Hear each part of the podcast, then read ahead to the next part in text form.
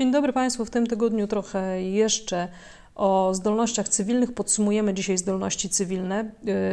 Yy, koncentrujemy się na nich dlatego, że to są te yy, operacje, które Unia Europejska yy, najbardziej może rozwijać, ponieważ operacji wojskowych, w, operac- w rozwijaniu operacji wojskowych jest uzależniona od państw członkowskich, a w, przy rozwijaniu operacji cywilnych w mniejszym trochę stopniu, chociaż też.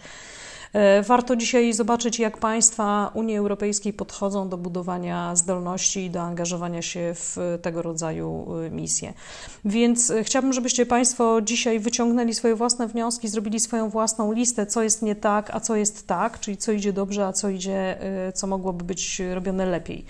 Na początek pierwsza rzecz, podpowiem Państwu, pierwsza rzecz, która idzie nie za bardzo, mianowicie po misjach w Iraku i Afganistanie Jasnym jest, że jest zbyt dużo wolnej przestrzeni przez nikogo niezagospodarowanej pomiędzy elementami wojskowymi i elementami cywilnymi. Wiemy, że ta koordynacja cywilno-wojskowa jest bardzo trudna do y, zorganizowania, w wyniku czego powstaje tak zwane security gap, czyli przestrzeń, która, y, w której nikt nie dostarcza usług, które muszą być dostarczone, żeby całość misji była spójna co oznacza, że albo misja cywilna nie będzie miała dostarczonego bezpieczeństwa, albo misja wojskowa nie będzie mogła być wycofana, ponieważ misja cywilna nie zbuduje elementów stabilizacji państwa. Czyli jeżeli misja cywilna nie zbuduje stabilizacji państwa, to wtedy y, nie ma tej stabilizacji, a w związku z tym jest wymagana obecność wojska.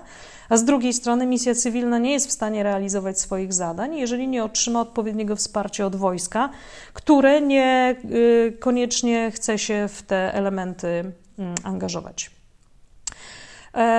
E, jeżeli patrzymy na raporty, tutaj macie e, Państwo European Council on Foreign Relations, e, mm, e, który podsumowuje to, co Unia Europejska mówi na temat swoich misji. I Unia generalnie jest dumna ze swojej zdolności cywilnej. Na papierze wszystko wygląda pięknie. Unia deklaruje do udziału w różnych e, rodzajach misji pokojowych aż 40 tysięcy dyplomatów i 10 tysięcy funkcjonariuszy policji. Zauważcie Państwo, że to są jakby te dwa filary, na które Unia stawia, czyli policja jako siła cywilna, e, która już jest formacją zorganizowaną i umundurowaną. E, I druga rzecz, dyplomaci, których siłą rzeczy w 27 państwach Unii Europejskiej jest bardzo dużo, ponieważ oni są, e, każde stanowisko w dyplomacji jest e, powielone 27 razy, więc dyplomatów rzeczywiście w Unii jest bardzo dużo. Więc okazuje się, że wtedy, kiedy trzeba wypełnić tabelki, wszystko wygląda ładnie, natomiast Unia ma kłopoty z werbowaniem personelu y, cywilnego a w związku z tym ma problemy z realizacją i z rozlokowaniem, a szczególnie szybkim rozlokowaniem tych y, misji. Y, przykładem podawanym bardzo często w literaturze jest na przykład misja EUPM w Bośni i Hercegowinie. To jest ta pierwsza misja zewnętrzna Unii Europejskiej, która miała być modelowa i no, jest pierwszym punktem odniesienia oczywiście, czyli jak teoria ma się do faktycznego doświadczenia Unii Europejskiej, która jest y, w raportach unijnych bardzo y, chwalona podczas kiedy realia y, na miejscu są takie, że zorganizowana przestępczość kwitnie, jest połączona strukturalnie z polityką, ma charakter międzynarodowy i to przez Bałkany dostaje się do Unii Europejskiej najwięcej wszystkiego tego, czego w Unii Europejskiej nie chcielibyśmy widzieć, czyli wszelkiego rodzaju y, kontrabanda i zagrożenia właśnie tamtędy idą. Więc y, czy mało ambitne cele są stawiane tym misjom, czy raportowanie wygląda lepiej niż rzeczywistość, czy jedno i drugie. E, z jakichś względów, mm, pomimo że realizujemy cele misji, to nadal nie bardzo możemy czuć się bezpiecznie. Dlatego właśnie ECFR podkreśla, że po pierwszych 10 latach od rozpoczęcia funkcjonowania misji Unii nadal są małe, źle zorganizowane, mają stosunkowo małe ambicje e, i mają e, małe znaczenie dla stabilizowania sytuacji w państwie, gdzie są e, rozlokowane. Przypomnijmy także, że najczęściej misje cywilne, misje policyjne Unii Europejskiej, innego rodzaju misje cywilne, nie są rozlokowywane w momencie, kiedy w państwie przejmującym, czyli w państwie, na terenie którego toczy się jakiś konflikt, czy istnieje jakiś problem, e, nie są rozlokowywane jako pierwszy rzut, czyli zazwyczaj najpierw rozlokowywana jest administracja międzynarodowa pod auspicjami ONZ-u i policja także z mandatem Rady Bezpieczeństwa ONZ-u. E, a Unia Europejska przejmuje lub uzupełnia misje, które już są realizowane na miejscu. E, odnośnie misji w Bośni i Hercegowinie, która miała być modelową, to jest misja przede wszystkim, e, to nie jest tak, że jadą kowboje z Unii Europejskiej i zaprowadzają porządek na ulicach miast w Bośni i Hercegowinie. W Bośni i Hercegowinie jest więcej zdecydowanie wsi niż miast zresztą.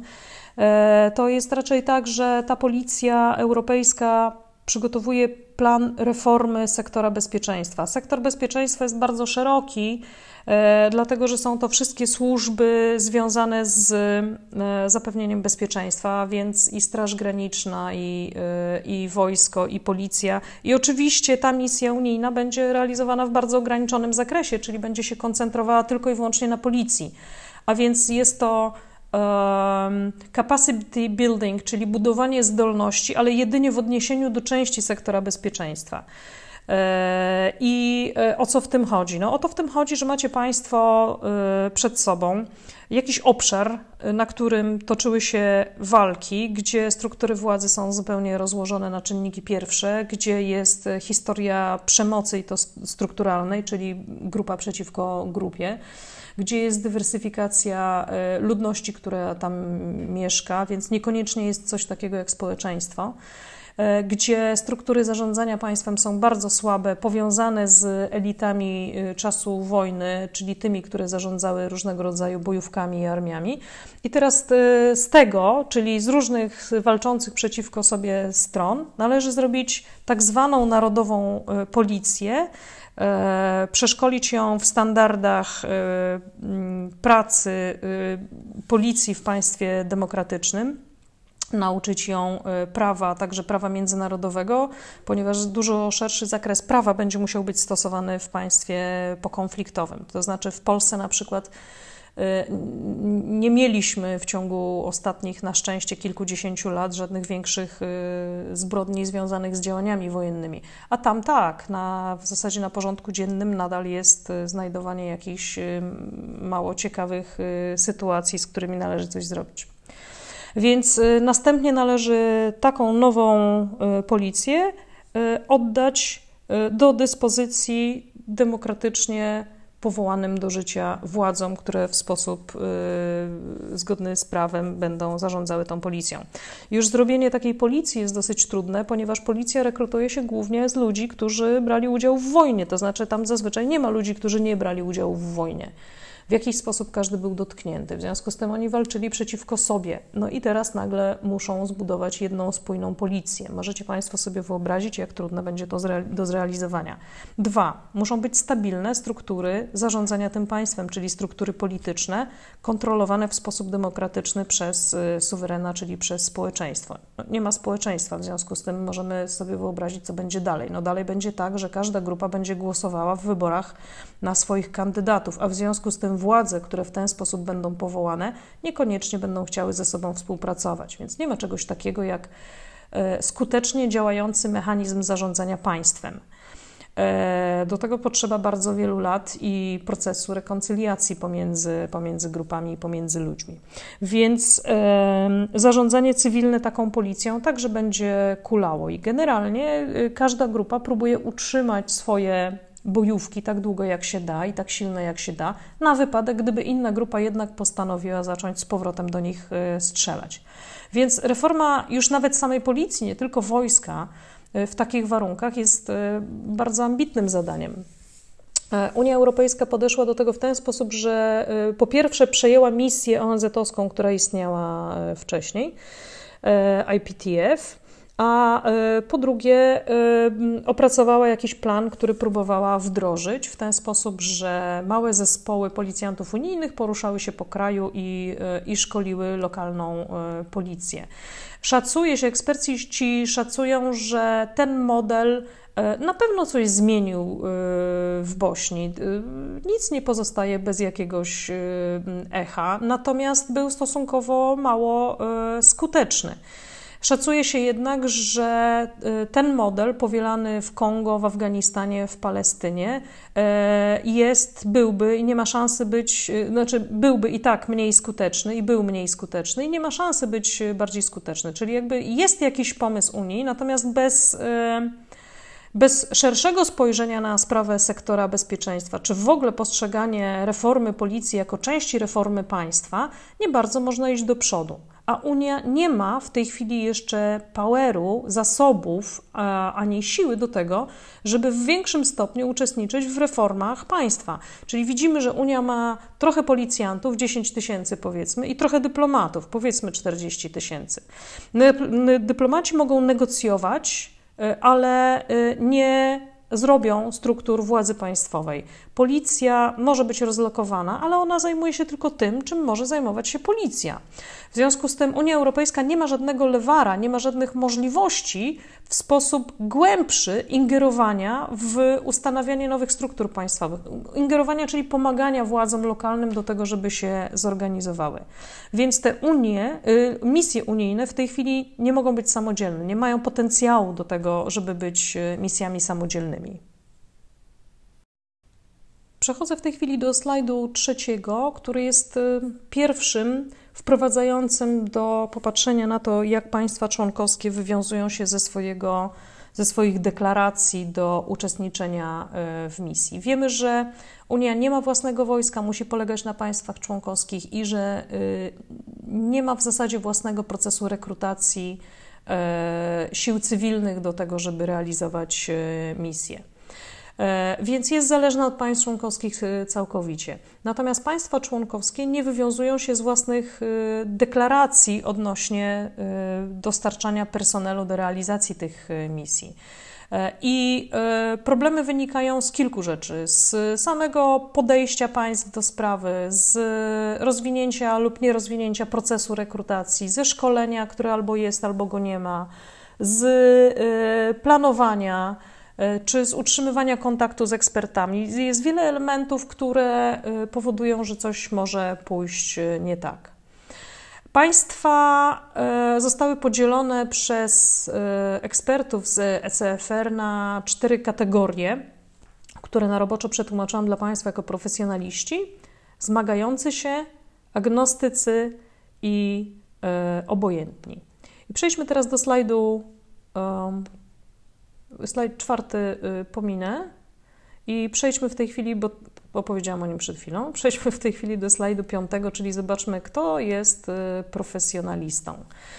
E, profesjonaliści to są mm, państwa, które e, biorą na serio udział w misjach cywilnych, uważają misje cywilne za ważny E, element zapewniania bezpieczeństwa e, społeczeństwom swoim i w ogóle Unii Europejskiej. I do tych państw e, należą Dania, Finlandia, Szwecja, Niemcy, Holandia, no i należała Wielka Brytania, zanim przestała należeć do Unii Europejskiej. Więc to są państwa, które mają przygotowane schematy działania, czyli jakby ktoś się zabrał za to, żeby to opracować i przygotować. Czyli są schematy rekrutacji, e, są szkolenia dla kadry urzędniczej. W niektórych państwach, jak na przykład w Danii, to szkolenie i y, do udziału w misjach zewnętrznych jest bardzo często podstawowym szkoleniem dla y, administracji publicznej. Czyli jak chcecie Państwo pracować w Ministerstwie, powiedzmy, rolnictwa czy rozwoju, e, to e, musicie odbyć e, szkolenie związane z możliwością bycia rozlokowanym poza granicami państwa. I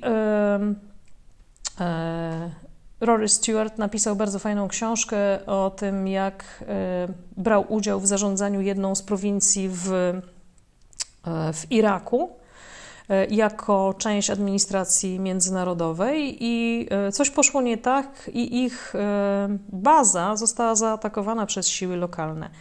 I ponieważ nie mogli się dodzwonić do wojska stacjonującego, międzynarodowego stacjonującego niedaleko, a kiedy się dodzwonili do wojska, to uzyskali odpowiedź, że w tej chwili strzelają, więc oni nie będą wyjeżdżać na ulicę, jak strzelają, to musieli sobie radzić sami, żeby jakoś przetrwać.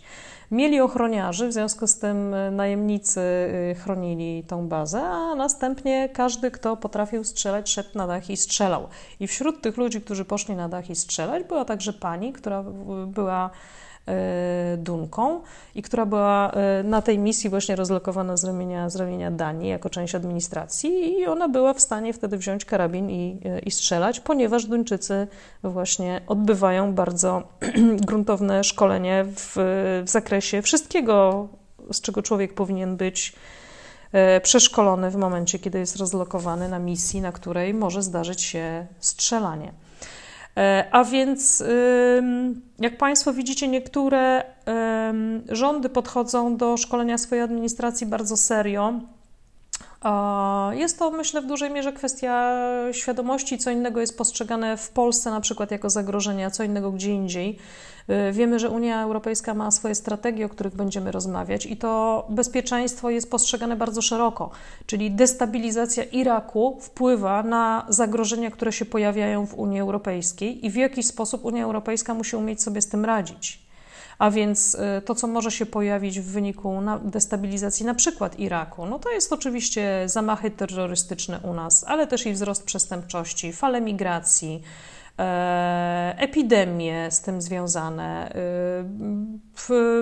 łatwiejsze przerzucanie tutaj do nas, do kraju różnego rodzaju e, narkotyków, ale też i możliwość tego, że jeżeli Irak będzie zdestabilizowany, to na przykład Kurdowie zaczną domagać się niepodległości, a w związku z tym destabilizacja jednego państwa w łatwy sposób może prowadzić do destabilizacji regionu i to przestanie być już możliwe do opanowania, zacznie się zbliżać w kierunku naszych granic.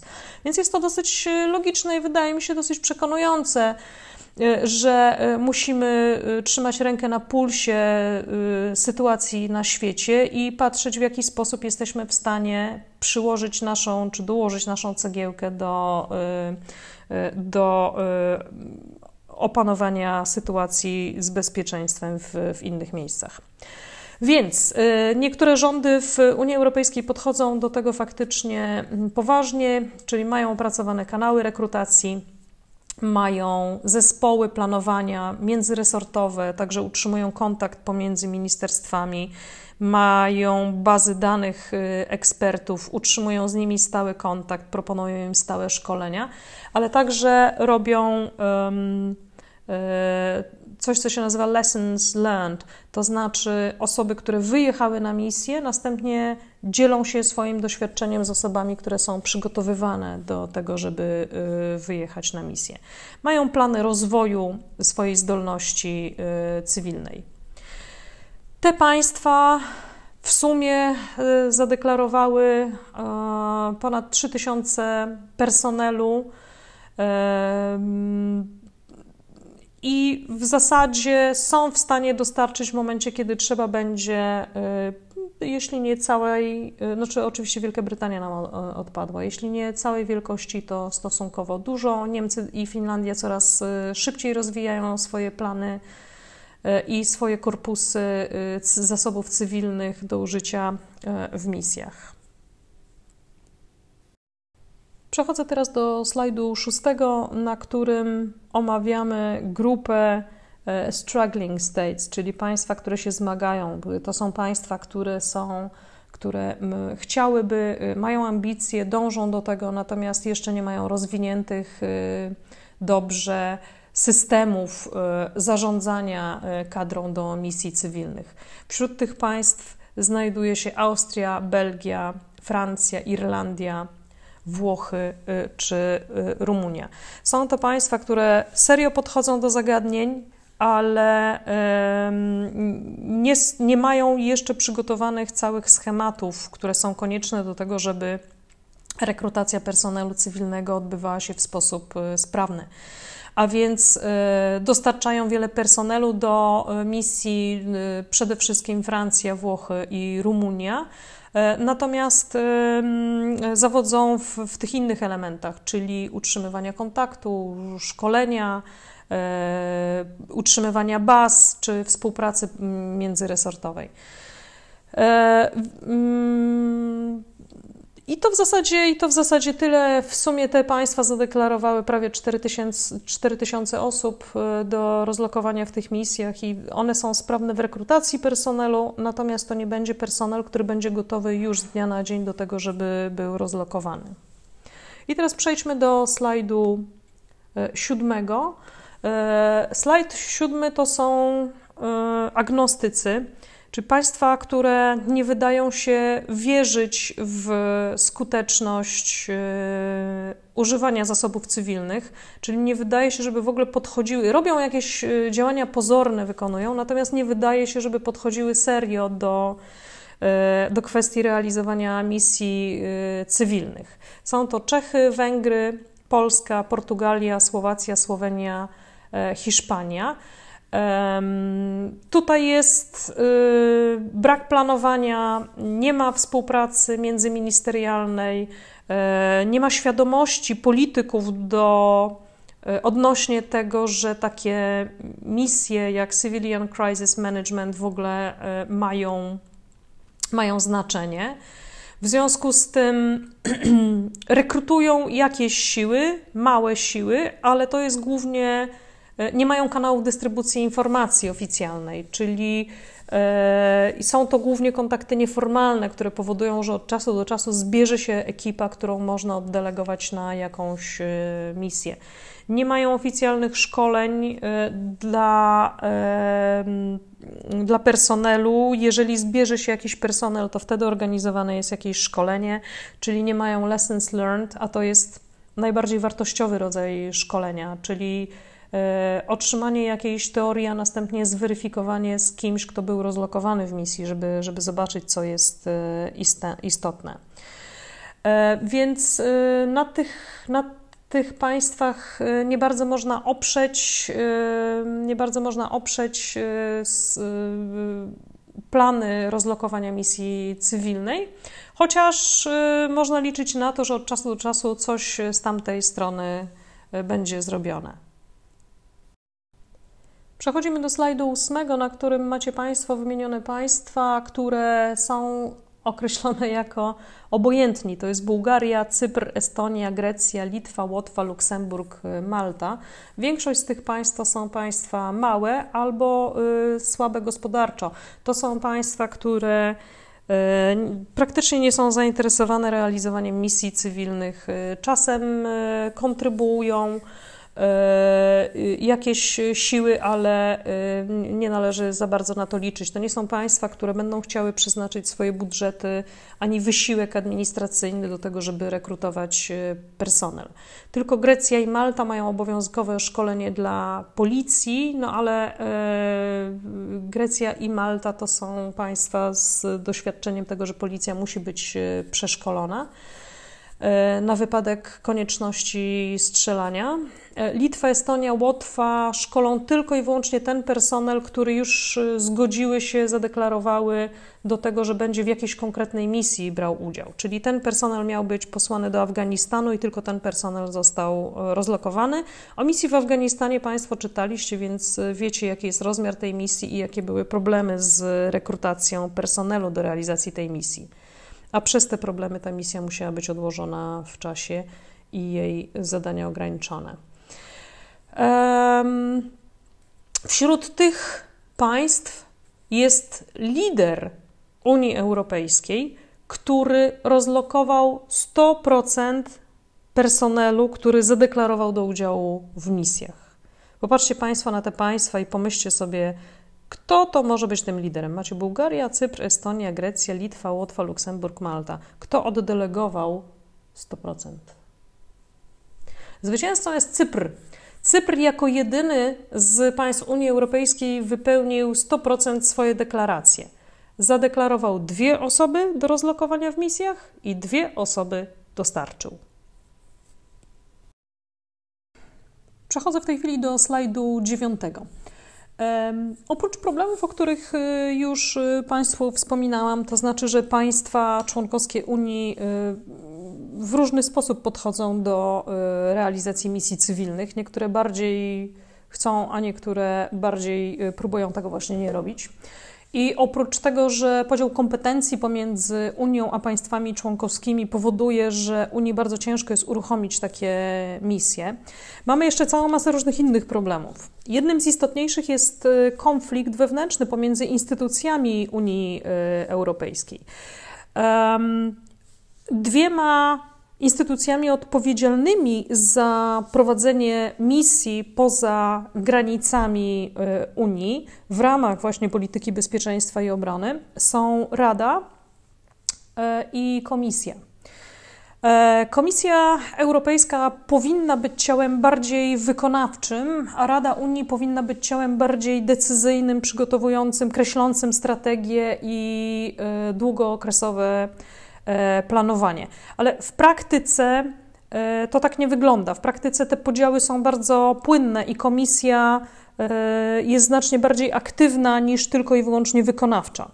To dzieje się dlatego, że historycznie instytucje unijne były, powstawały w taki, a nie inny sposób i gdyby Unia była państwem, to komisja byłaby prawdopodobnie rządem. Ale Unia nie jest państwem, a parlament Y, europejski nie jest odpowiednikiem, nie ma kompetencji takich jak parlamenty krajowe, a w związku z tym komisja nie jest tylko i wyłącznie wykonawcza, a Rada nie jest tylko i wyłącznie y, gremium y, decyzyjnym na wysokim szczeblu. Więc i Rada ma kompetencje do prowadzenia misji, i Komisja Europejska ma kompetencje do prowadzenia misji w ramach polityki zagranicznej bezpieczeństwa, a także bezpieczeństwa i obrony. E, zasada miała być taka, że Rada miała prowadzić misje typu emergency, czyli takie natychmiastowe, wymagające reakcji na wczoraj. E, natomiast e, Komisja Europejska miała prowadzić misje z zakresu pomocy humanitarnej i rozwojowej. I problem z tym konfliktem kompetencyjnym polega na tym, że ten podział pomiędzy emergency a misje humanitarne i rozwojowe nie jest oparty na jednoznacznej i konsekwentnej klasyfikacji. To znaczy, misje humanitarne też zazwyczaj wymagają e, reakcji natychmiastowej. Więc powiedzenie, że Rada ma robić misję typu emergency w tej chwili i tak dalej, natomiast Komisja ma robić e, misję pomocy humanitarnej, jakby tutaj mm, jest pewna zakładka, którą można dwojako interpretować. Jeżeli chodzi o pomoc rozwojową, która jest w kompetencjach Komisji Europejskiej, sprawa jest oczywista. Pomoc rozwojowa jest zazwyczaj średnio i długookresowa, co prawda wymaga długookresowego planowania, teoretycznie Rada, ale e, jest bardziej typu wykonawczego, czyli raczej Komisja. Komisja Europejska zarządza funduszami służącymi do realizowania y, pomocy rozwojowej. Natomiast tutaj właśnie z tymi misjami humanitarnymi y, jest, jest pewien problem. Więc y, bardzo trudno jest nakreślić jednoznaczną linię, kto ma w takim razie robić co, jeżeli te kompetencje zostały w ten sposób podzielone. Czyli Problemem dodatkowym w organizowaniu misji poza granicami Unii Europejskiej jest także i to, że podział kompetencji pomiędzy dwiema kluczowymi instytucjami, które mają realizować politykę bezpieczeństwa i obrony, nie jest jednoznaczny. I bardzo często dochodzi najpierw do dyskusji, kto ma e, robić co, co oczywiście kradnie czas, który jest e, cenny w momencie, kiedy chcemy podjąć szybką reakcję E, w, w państwie trzecim.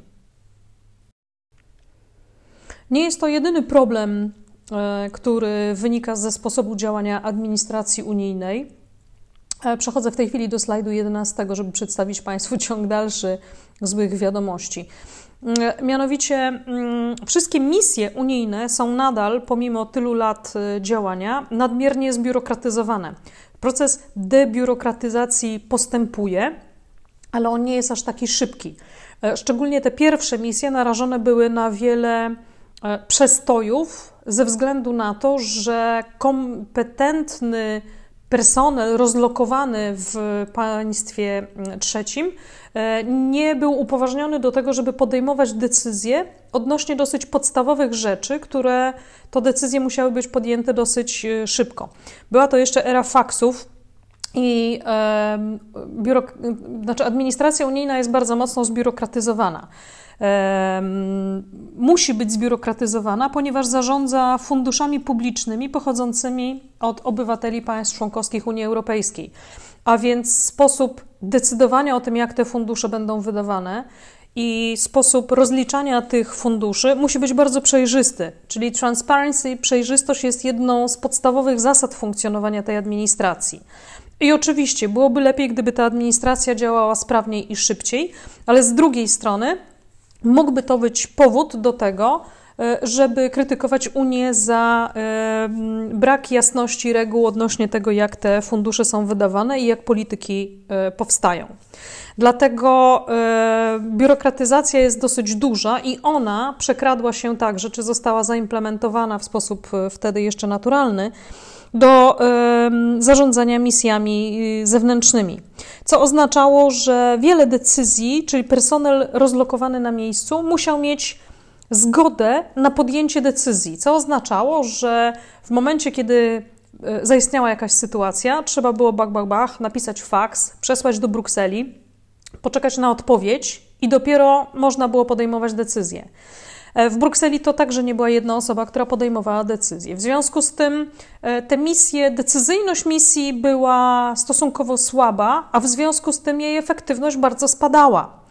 Um, oprócz tego, że proces podejmowania decyzji był długi, to jeszcze do, e, zaangażowane w ten proces były podmioty, które nie miały oglądu sytuacji na miejscu.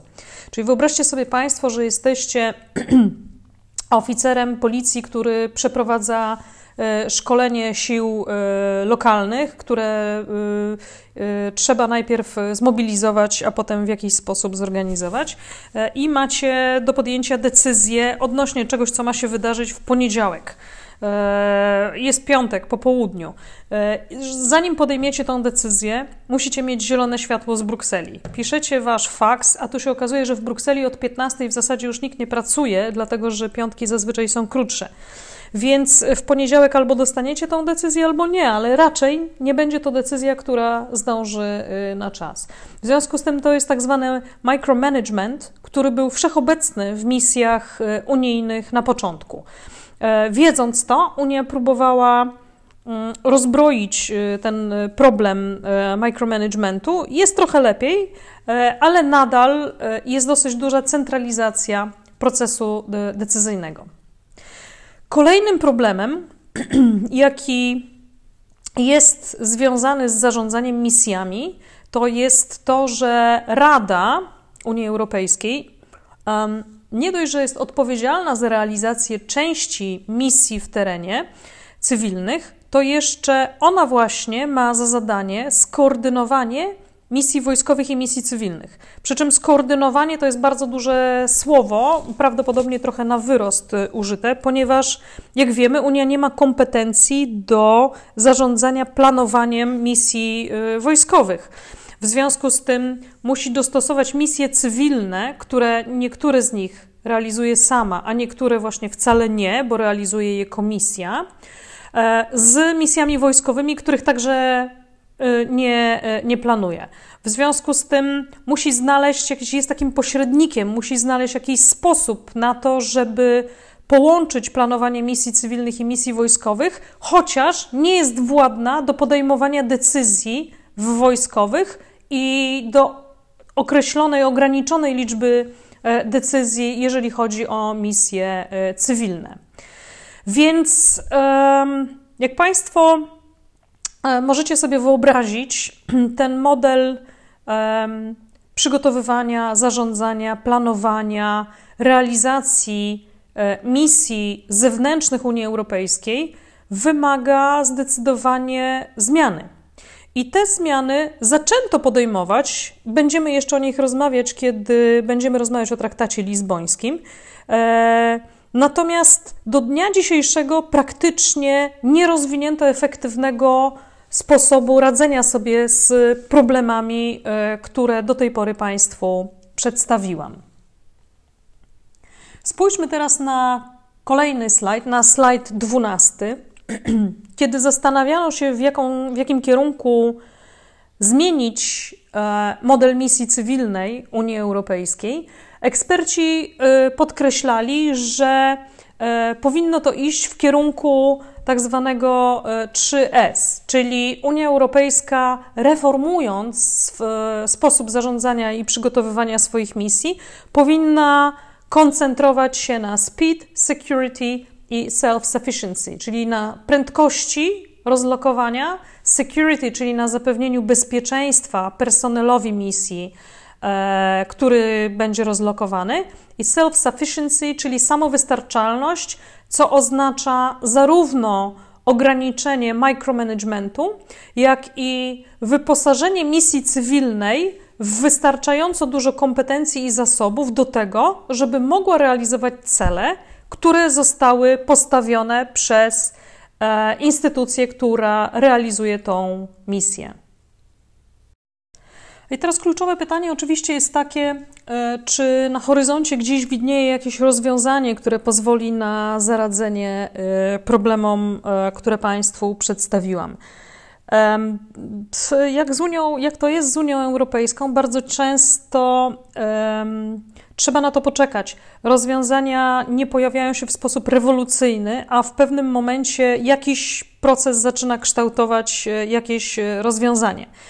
I e, nie należy spodziewać się e, żadnego radykalnego rozwiązania, że z dnia na dzień to się zmieni.